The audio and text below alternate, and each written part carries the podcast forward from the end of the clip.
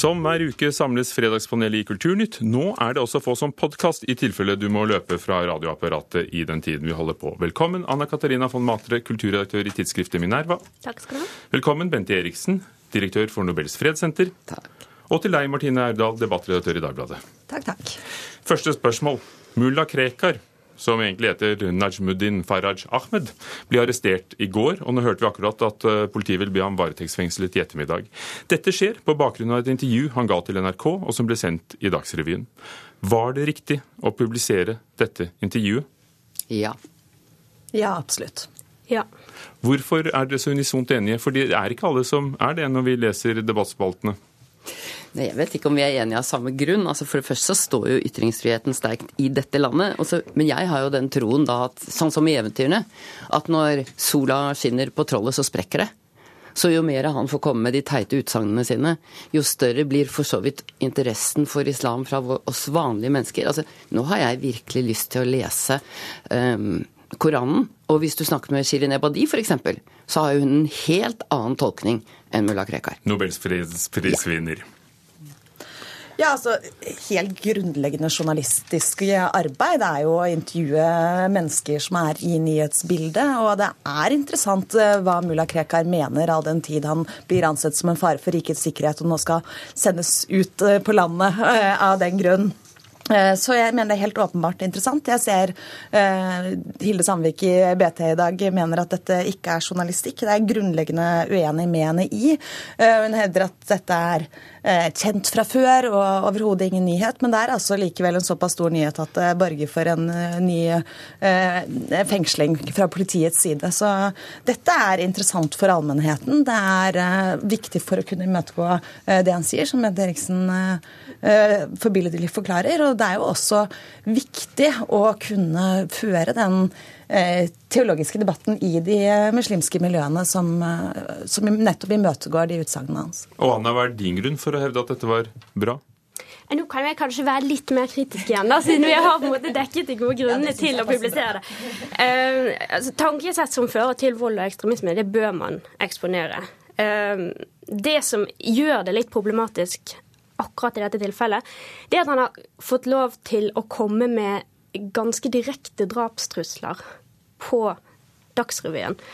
Um, som nå har ført til at han er blitt arrestert. Da uh, kan man jo man kan si NRK legitimerer på ingen måte de standpunktene.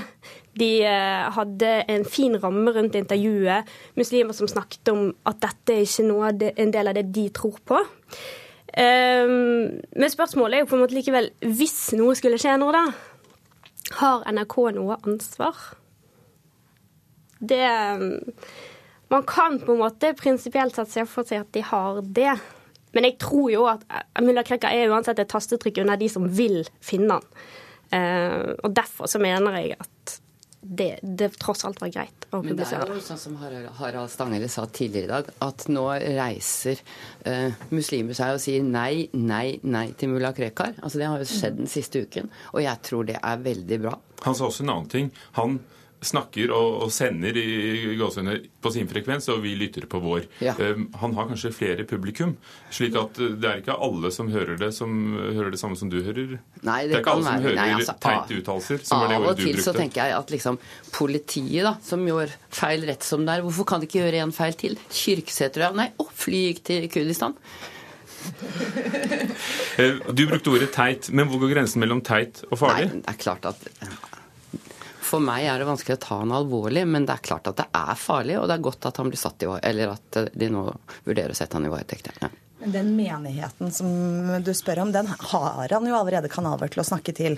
Eh, jeg fulgte for noen år tilbake, eh, via tolk selvfølgelig, noen av de forumene hvor Krekar holdt jevnlige taler, eh, og hvor han hadde mye av den samme retorikken som han nå fremfører i full offentlighet, men der han framførte den i fora der ingen sa imot, men hvor de møttes nettopp for å lytte til han som en, som en skriftlærd uten å møte motforestillinger. Og Sånn sett så er det bedre å ta det i åpent lende, der han tross alt blir arrestert for meningene sine. Vi bytter tema. Det er pinlig for norske kulturredaktører at de ikke har anmeldt boken til Kristine Næss, sa Kritikerlaget denne uken. Romanen hennes 'Bare et menneske' er nominert til Nordisk råds litteraturpris, kanskje den gjeveste av prisene som, som er her i, i, i, Norge og Norden. Men ingen av de største mediehusene, ikke NRK heller, nei, har anmeldt den. Bare Klassekampen og Morgenbladet. Er det pinlig at boken har gått veldig mange hus forbi, Anna? Nei. Martine? Ja, absolutt. Ja, veldig. Eh, men vi, vi skal vi begynne med nei? Ja, fordi ja. det er jo noe noen har gått glipp av her. Ja da, det er det. Uh, og det er viktig at norsk litteratur, norsk kunst, blir anmeldt, uh, også i de store mediene. Uh, det er sånn folk får høre om det, og det er sånn vi holder kunstnerne og forfatterne litt i ørene, sånn at de er skjerpet. men jeg tenker at det er ikke alt som må anmeldes overalt. Det er det første argumentet. Og så er det på en måte ja, det er, jo, det er jo, uheldig, men det, jo ikke, det, er jo ingen overraskelse på en måte etter at eh, Ta VG, da, eksempel, som har nå gjennomsnittlig én anmeldelse i uken, at de akkurat ikke skulle ta denne anmeldelsen. Det, det er kanskje litt VG er et kapittel for seg. VG er et kapittel for seg, men det, er, det kuttes litt overalt eh, i, i, anmeldelser. Så det er kanskje ikke så rart. Og, og når det kommer masse bøker samtidig på høsten, eh, med det formatet som man ofte har på anmeldelser, som er, med, som er veldig korte, så, så, så, blir det vanskelig å, publisere en anmeldelse kanskje to måneder seinere. Martin, du følte deg litt truffet på vegne av av redaksjonen, kanskje? Ja, jeg syns det. Eh, litteratur er viktig for Dagbladet. Vi anmelder 300 bøker i året, og vi ønsker å være en guide til god litteratur. Og da er det selvfølgelig pinlig når det er en bok som blir, blir nominert til Nordisk råd som vi ikke har anmeldt. Eh, vi skulle ønske at vi gjorde det. Den, det er jo forklaringer, det du er inne på. Altså, Den kom midt i bokhøsten, og det var travelt, og da kan ting glippe. Men, eh, men vi syns jo det er litt flaut. Eh, og så er det sånn at dette skjedde jo også en gang tidligere, eh, da vi fremdeles eh, kunne anmelde samtlige norske skjønnlitterære bøker eh, som kom ut. Da Jørgen Norheim ble, ble nominert til Nordisk råds litteraturpris, så var anmeldelsen ferdig skrevet, men lå på vent. Ble selvfølgelig raskt satt på trykk neste dag, hvorpå anmelder Inger Bensrud fikk skeptiske telefoner fra samtlige andre medier som lurte på hvordan det var å anmelde en bok på én dag. Eh, fordi Forklaringen her er jo at det kommer så fryktelig mange, og de kommer samtidig. Ja, men altså, jeg tenker Hvorfor har man et kritikerkorps? Jo, det er for å holde oss leserne orientert om ja, godbitene og hvor vi burde styre unna, kanskje. da. Eller hvilke interesser vi har. Jeg syns det er kjempefeigt å skylde på forlaget. Altså, De har jo en forpliktelse til å holde seg orientert, tenker jeg da. Så, og, og det, uten forkleinelse Altså, hun, hun er jo ikke noen hvem som helst, da. Og uten forkleinelse for eh, hun eh, Navara Skaranger, som har skrevet en riktig underholdende bok. Da var de der alle sammen ikke sant, og sa at dette var et uh, veldig originalt sujett. Men jeg mener, hun når jo ikke Kristine Næss til anklene engang når det kommer til hva skal man si, å være forfatter. Hmm. Så, så, hva er løsningen da, Martine Aurdal, som sitter midt i redaksjonen? Er det å ta alt, eller er det Det kommer så mange norske bøker nå at det tror jeg rett og slett ikke vi får til. Men vi må bare ta det som en påminnelse om at vi må lete enda bedre og, og gå gjennom listene våre en ekstra gang. Om det å skrive. Sylfes Lomheim, språkprofessor, tidligere kjent direktør for eh, Språkrådet. Han advarer mot bruken av nettbrett. Nå er det kommet enda en skole som har delt ut nettbrett til alle elevene, en av de første, eh, på Sørlandet. Han er redd for at eh, de slutter å skrive for hånd. Er det lurt å avskaffe håndskriften? Nei. Nei. Nei, men jeg er ikke enig i spørsmålet. Nei, kom igjen, formuler det, du. Hvordan burde det låte? Nei, men jeg tenker, Er det håndskrift vi er mest opptatt av, eller er det norsken som sådan? Og, øh, fordi jeg tenker at nettbrettet kan være nyttig til veldig mye. Det er altså et veldig uh, IKT er en viktig del av barn og unges uh, utvikling. Og så er spørsmålet hvordan bruker man det? Og hvis håndskriften bidrar til god norsk, ja, utmerket. Hvis håndskriften bare skal holdes ved like, Vel, jeg tror ikke han tenkte på julekortene, jeg tror han tenkte på at det var et middel til læring. Hva tror dere? Altså, hvis man kan få ja takk begge deler, så er jo det selvfølgelig eh, best. Min datter på fire har også sitt eget nettbrett. Eh, men jeg er jo opptatt av håndskriften. Jeg jobber i et yrke der eh, det er helt avgjørende. Bruker det hver dag. Og jeg har hatt stor nytte av mine straffelekser i skjønnskrift på barneskolen, rett og slett.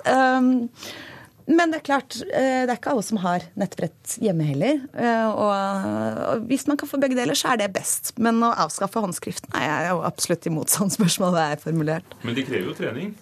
Ja, det krever trening. Det som er interessant, er jo at man har ganske mye forskning på at når man skriver for hånd, så husker man bedre det man har lært. Man, man lærer å skrive riktigere. Det er mm, positivt for barns utvikling, så det er ganske mye som taler for at barn bør skrive altså rett og slett for å skrive. Eh, men det som, det som også er interessant, er at snart kommer det datamaskiner, telefoner, iPad som eh, kan gjenkjenne tale. Kan skrive ned det vi sier. Jeg tror faktisk det er kommet litt. Ja, ja. ja. Og, og, snart blir de så gode at, kan, at, at det blir brukt oftere. da. Og det er jo spørsmålet, Trenger man i det hele tatt å lære å skrive, kan man begynne å spørre da. Og da blir det veldig interessant. Jeg traff en gammel mann som selger skrivemaskiner, og han sier at det kommer unge mennesker som gjerne vil ha dem, for da blir de ikke distrahert av å gå på internett uh, innimellom når de skriver sine første romaner og noveller. Men det er klart det handler om et presisjonsnivå, og der kan selvfølgelig nettbrettene ha en styrke. Jeg er ikke så presis når jeg bruker håndskrift, for å si det på den måten, men det er klart at å lære å skrive er ekstremt viktig. Der er vi enige. Jeg lurer på om presisjonen går nesten motsatt vei meg. Når jeg skriver eh, for hånd, så er jeg Eh, skriver jeg færre ganger, så jeg konsentrerer meg mer. Mens når jeg skriver på maskin, som jeg jo gjør eh, mest, eh, så skriver jeg gjerne en kommentar en fem-seks ganger og kaster mesteparten. Takk skal dere ha, Fredagspanelet, som besto av Martine Aurdal, debattredaktør i Dagbladet, Bente Eriksen, direktør for Nobels fredssenter, og Anna Katarina von Matre, kulturredaktør i Minerva.